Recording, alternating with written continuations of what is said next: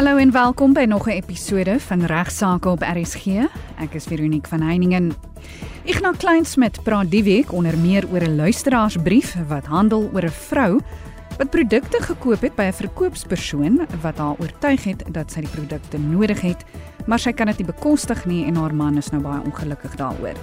Sy het glo 3 maande kans om die transaksie te kanselleer. Ignas praat ook oor hoe dit nou eintlik werk indien jy geld vir iemand sou leen en watter vereistes jy aan moet voldoen. En toe daar teen hom aksie ingestel word vir betaling want hy het versuim om sy betaling te maak, het hy gesê nee, hy kon ek gaan nie betaal nie want hierdie persoon wat aan my geleen het, die uitlener, was nie geregistreer as 'n kredietverskaffer. In die tweede deel van regsaake sluit Estmarie McCallahan by my aan en sy bespreek onwettige kragverbindings.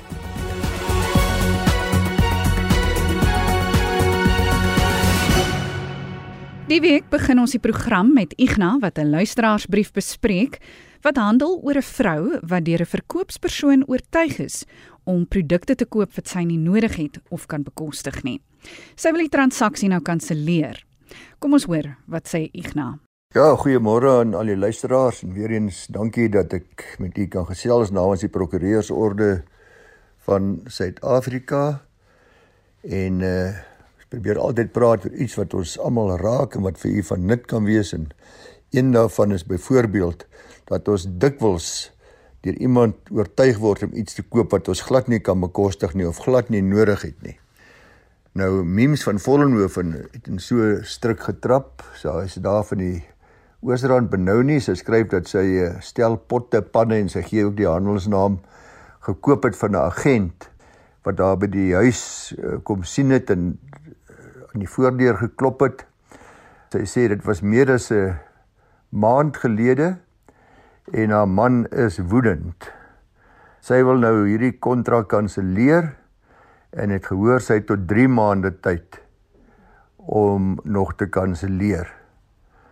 Nou baie van ons natuurlik het al gesoeg en geval onder die vleitaal van 'n goeie verkoopsman of 'n vrou om iets te koop of homself te verbind tot 'n ooreenkoms om iets te koop. Dit is gewoonlik daardie verkoopsagente wat jou beloof dat hierdie produk jou die hele lewe gaan verander en dat dit eh, vir lewenslank gaan hou en jy sal resultate sien binne die eerste paar weke of jy kry gewoonlik ook 'n klompie ekstras wat eintlik gratis is.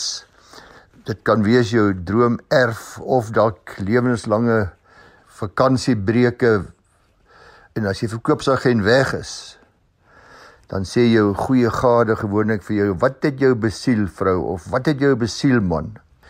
En sodra mense dan na prokureur toe gaan en die kontrak gaan lees, besef 'n mens dat daar nie werklik uitkomkanse is nie en jy moet nou maar presteer in gevolge hierdie kontrak. Maar luisteraars, die Suid-Afrikaanse reg maak wel voorsiening vir afkoeltydperke ten einde verbruikers te beskerm teen hierdie kom ons noem dit haastige of onbesonde of besluite. Die wetgewing gee die verbruikers die reg tot 'n afkoel tydperk wat ongelukkig nie 3 maande is soos Mims van Vollenhoven sê nie, maar heel wat minder. Ek weet nie waar kry sy die inligting nie, maar is heel wat minder en is gewoonlik 'n aantal dae na sluiting van so 'n ooreenkoms wat jy geregtig is om die kontrak te kanselleer. Die Verbruikersbeskermingswet 68 van 2008 wat eers in 2011 in werking getree het, se primêre doel is om beskerming te verleen aan verbruikers en een daarvan is artikel 16.3 wat bepaal dat 'n verbruiker ooreenkomste kan kanselleer wat voortgevloei het uit enige vorm van direkte bemarking. En dan jy hoef geen ander redes te hê vir die kansellasie dit moet net direkte bemarking wees. Met ander woorde presies wat met hierdie dame gebeur het ons luisteraar daar's by haar huis kom bemark. Sy het nie gegaan na die winkel toe nou daar gaan koop nie.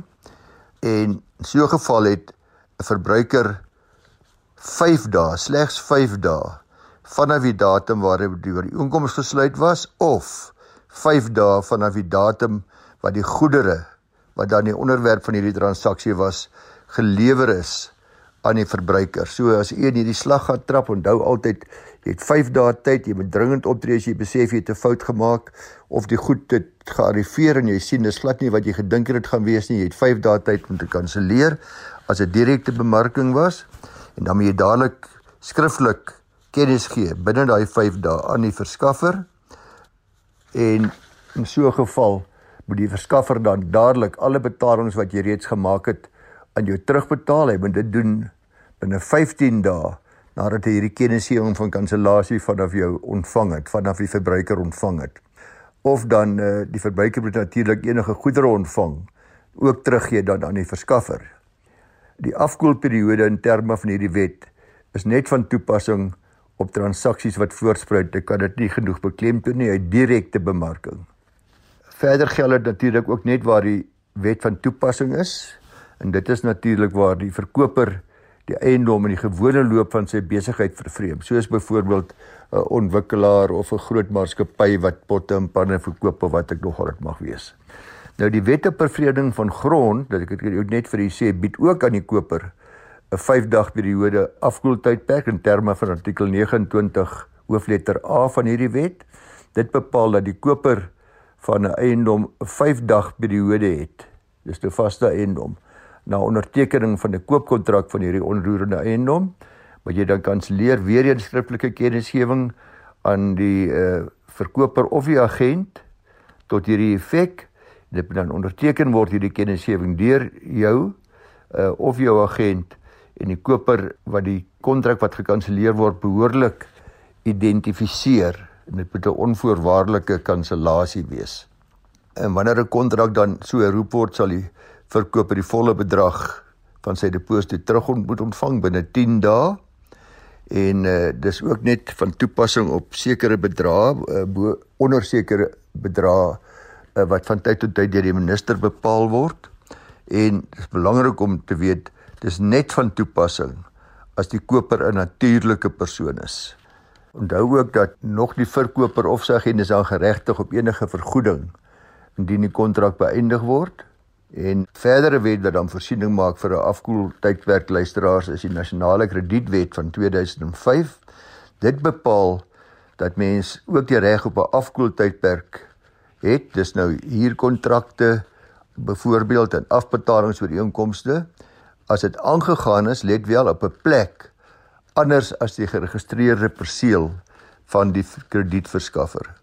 Dis die kredietopnemer het dan 5 dae nadat hy die kontrak onderteken het om dit te kanselleer. Dis nou mense wat vir jou kom krediet aanbied oor die pos of oor die uh telefoon vir e-pos of uh by jou huis of waar ek nogal aan die ander wyse dis nie wanneer mens die bank besoek of die perseel van die verskaffer besoek nie. Dis net wanneer dit op 'n plek anders as die geregistreerde perseel van die kredietverskaffer is. 5 dae moet jy kennis gee weer eens skriftelik die kredietverskaffer moet dan binne 7 dae die deposito of alles wat jy betaal het terugbetaal. Daar's 'n paar ander afkoeltydperke ook wat ek net vinnig kan noem. Artikel 233 van die Kinderwet bepaal dat enige ouer wat toestemming gegee het dat sy of haar kind opgegee kan word vir aanneming. Dis baie keer jong moeders wat buite egtelike kind het en na die kind gebore is gee sy dan toestemming vir aanneming maar sy het dan 60 dae tyd om hierdie toestemming terug te trek. Indien dit nie teruggetrek word binne 60 dae nie, sal die toestemming geag finaal te wees. Dan is daar ook sekere reëls van toepassing wat ek dit vinnig vir u gaan noem, gevolge die regulasies van die verbruikersbeskermingswet wat op 1 eh, April 2011 gepubliseer is, is daar sekere voorskrifte vir die regulering van konsessieooreenkomste. Dis die sogenaamde franchise agreements en weer ook daar is daar uh, kan mens kanselleer uh, sonder enige kostes of boetes binne 10 werksdae na ondertekening van die ooreenkoms. Ek dink dis belangrik vir u almal wat luister wat nou nie al die feite kan onthou nie dat mens maar net moet besef jy het 'n paar dae tyd as jy van besluit wil verander en gaan sien onmiddellik jou prokureur om jou te help met die kennisgewing sodat jy dit behoorlik doen en dat daar uh, daarna 'n uh, restituisie kan plaasvind van alles wat jy betaal het. Ek gaan sluit nou weer by my aan en bespreek een laaste saak oor 'n lening wat aangegaan is en die versuim om dit terug te betaal. Net eens weer seker te maak dat almal van u wat luister, weet dat voor jy geld aan iemand leen, jy eers geregistreer moet wees in terme van die nasionale kredietwet 34 van 2005. Luisteraars is so belangrik want Onlangs was daar weer 'n saak van CSB versus DJ 2023 saak. Ek gaan met die verwysing gee JOL 57843 en hakies WCC. Daar het die appellant skulderkenning geteken ten gunste van die ander party in 'n bedrag van 2,5 miljoen rand.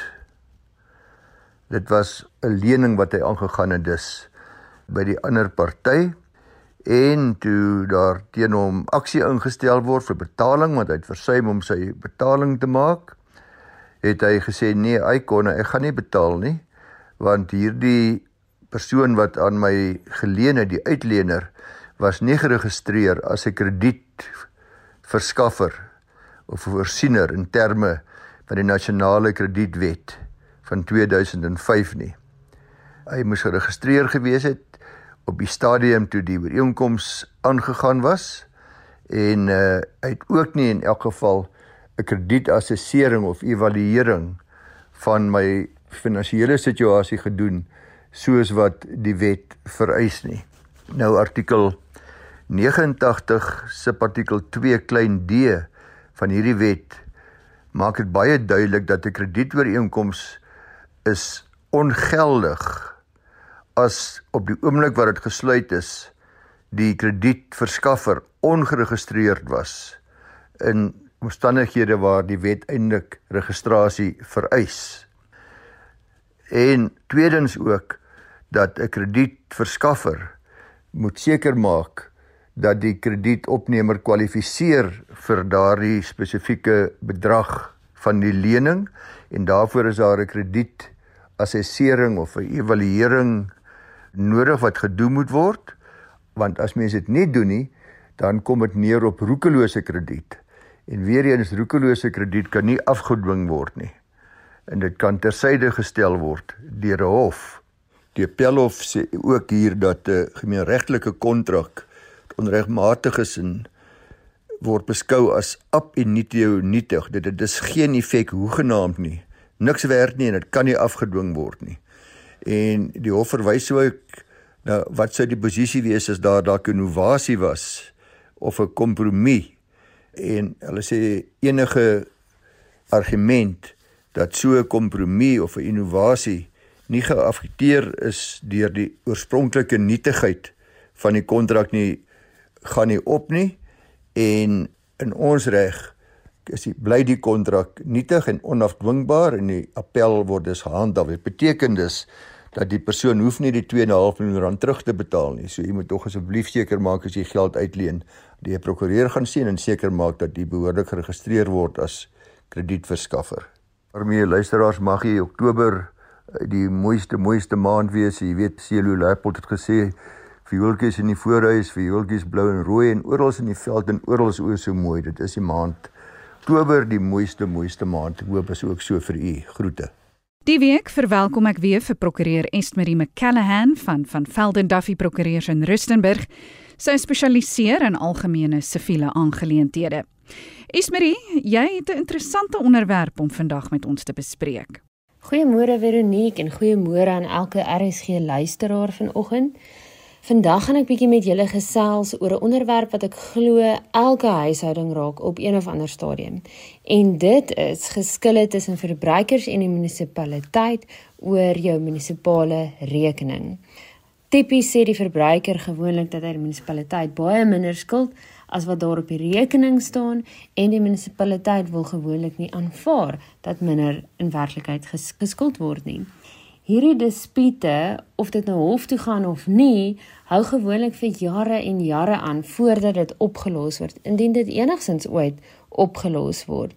Ons hofrol is propvol sake vir of teen munisipaliteite en dikwels handel hierdie sake spesifiek oor geskille met rekeninge. Wat ook dikwels dan gebeur is dat terwyl daar hierdie dispuut is tussen die munisipaliteit en 'n verbruiker, dan sny die munisipaliteit jou water of krag af. En in so 'n geval hardloop die verbruiker dan hof toe en kry 'n hofbevel teen die munisipaliteit om die krag of water toevoer te herstel. Nou in die lig hiervan wil ek graag vandag met julle deel wat in 'n onlangse hofsaak gebeur het tussen 'n verbruiker en 'n munisipaliteit. Maar voordat ek die saak bespreek, wil ek eers die luisteraars se aandag net fokus op presies watse pligte die munisipaliteit het. Nou om hierdie pligte te vas te stel, kyk ons na die Wet op Plaaslike Regering Munisipale Stelsels. Nou een van die oogmerke van hierdie wet is om te verseker dat munisipaliteite basiese dienste soos water, krag, rommelverwydering ensovoorts aan lede van die publiek verskaf op 'n bekostigbare manier. En hierdie plig kan ons vind in artikel 73 van daardie wet. Verder kan ons dan ook kyk na artikel 95 van die wet wat 'n plig op 'n munisipaliteit plaas om gereeld akkurate rekeninge te stuur aan verbruikers en artikel 96 plaas dan 'n plig op die munisipaliteit om alle gelde wat aan hulle verskuldig is in te vorder. Verbruikers het natuurlik ook die reg om 'n dispuut dan te verklaar op 'n rekening en die munisipaliteit moet dan bewys dat die bedrag wat op die rekening aangedui is, die korrekte bedrag is. Nou hierdie pligte waaraan ek nou geraak het, is ook die pligte wat ter sprake gekom het in die hofsaak waarna ek vroeër verwys het. Nou die feite in hierdie saak is dat die applikant die eienaar van 'n woonstelblok is waarin daar 208 woonstelle is. Hier is al 'n dispuut met die munisipaliteit rakende die rekening vir omtrent 10 of 11 jaar en hulle het ook al verskeie kere in die hof gedraai met hierdie dispuut. Daar was destyds omtrent 10 jaar terug reeds regsaksie ingestel en tot op hede is hierdie saak en baie van die ander saakies wat tussenin aanhange gemaak is deur die partye steeds nie opgelos nie en hulle kan steeds nie tot 'n vergelyk gekom het oor wat die werklike uitstaande bedrag verskuldig is aan die munisipaliteit nie. Nou deur die jare het die munisipaliteit dan verskeie kere die krag gaan afsny by die gebou en die eienaar van die gebou het dan hof toe gegaan 'n uh, interdik versoek om die munisipaliteit te verplig om die kragtoevoer te herstel want daar is immers hierdie dispuut wat hangend is.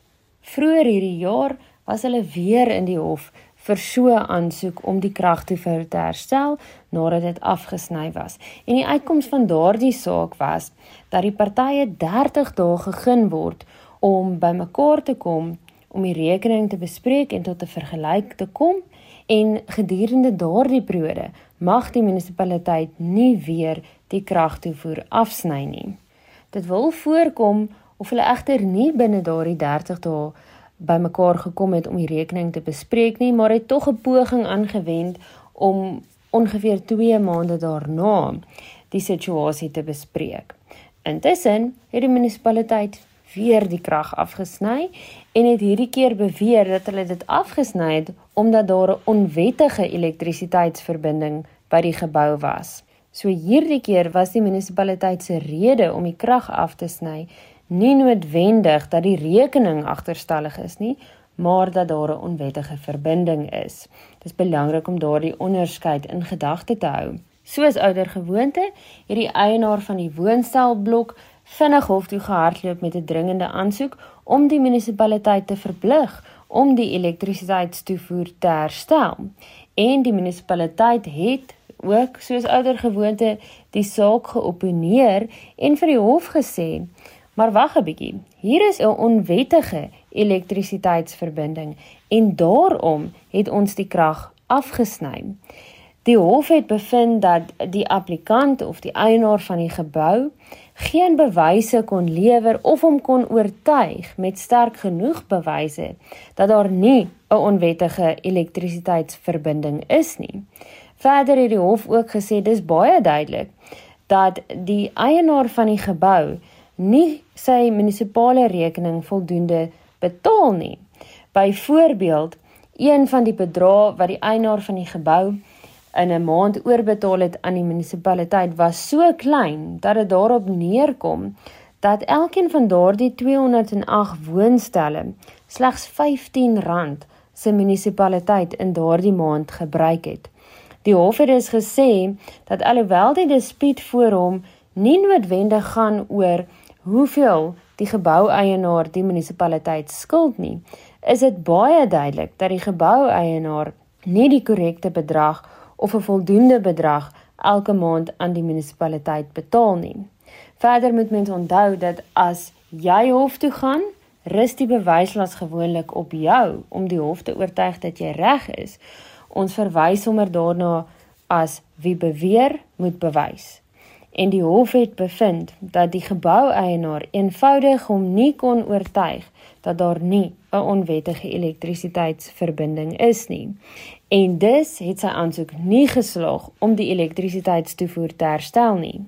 Die hof het self so ver gegaan om te sê dat die geboueienaar sy reg op die voorsiening van elektrisiteit soos vervat in die wet verbeur as gevolg van hierdie onwettige elektrisiteitsverbinding wat by die gebou is.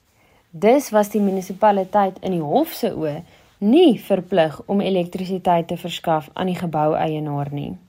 Die hof het verder gegaan om te sê dat as die geboueienaar weer elektrisiteit wil hê, dan sal hy 'n aanvaarbare reëling met die munisipaliteit moet tref vir die munisipaliteit om dan weer elektrisiteit aan hulle te verskaf. Die bedrag in dispuut tussen die geboueienaar en die munisipaliteit is tussen 2.5 en 3 miljoen rand gewees.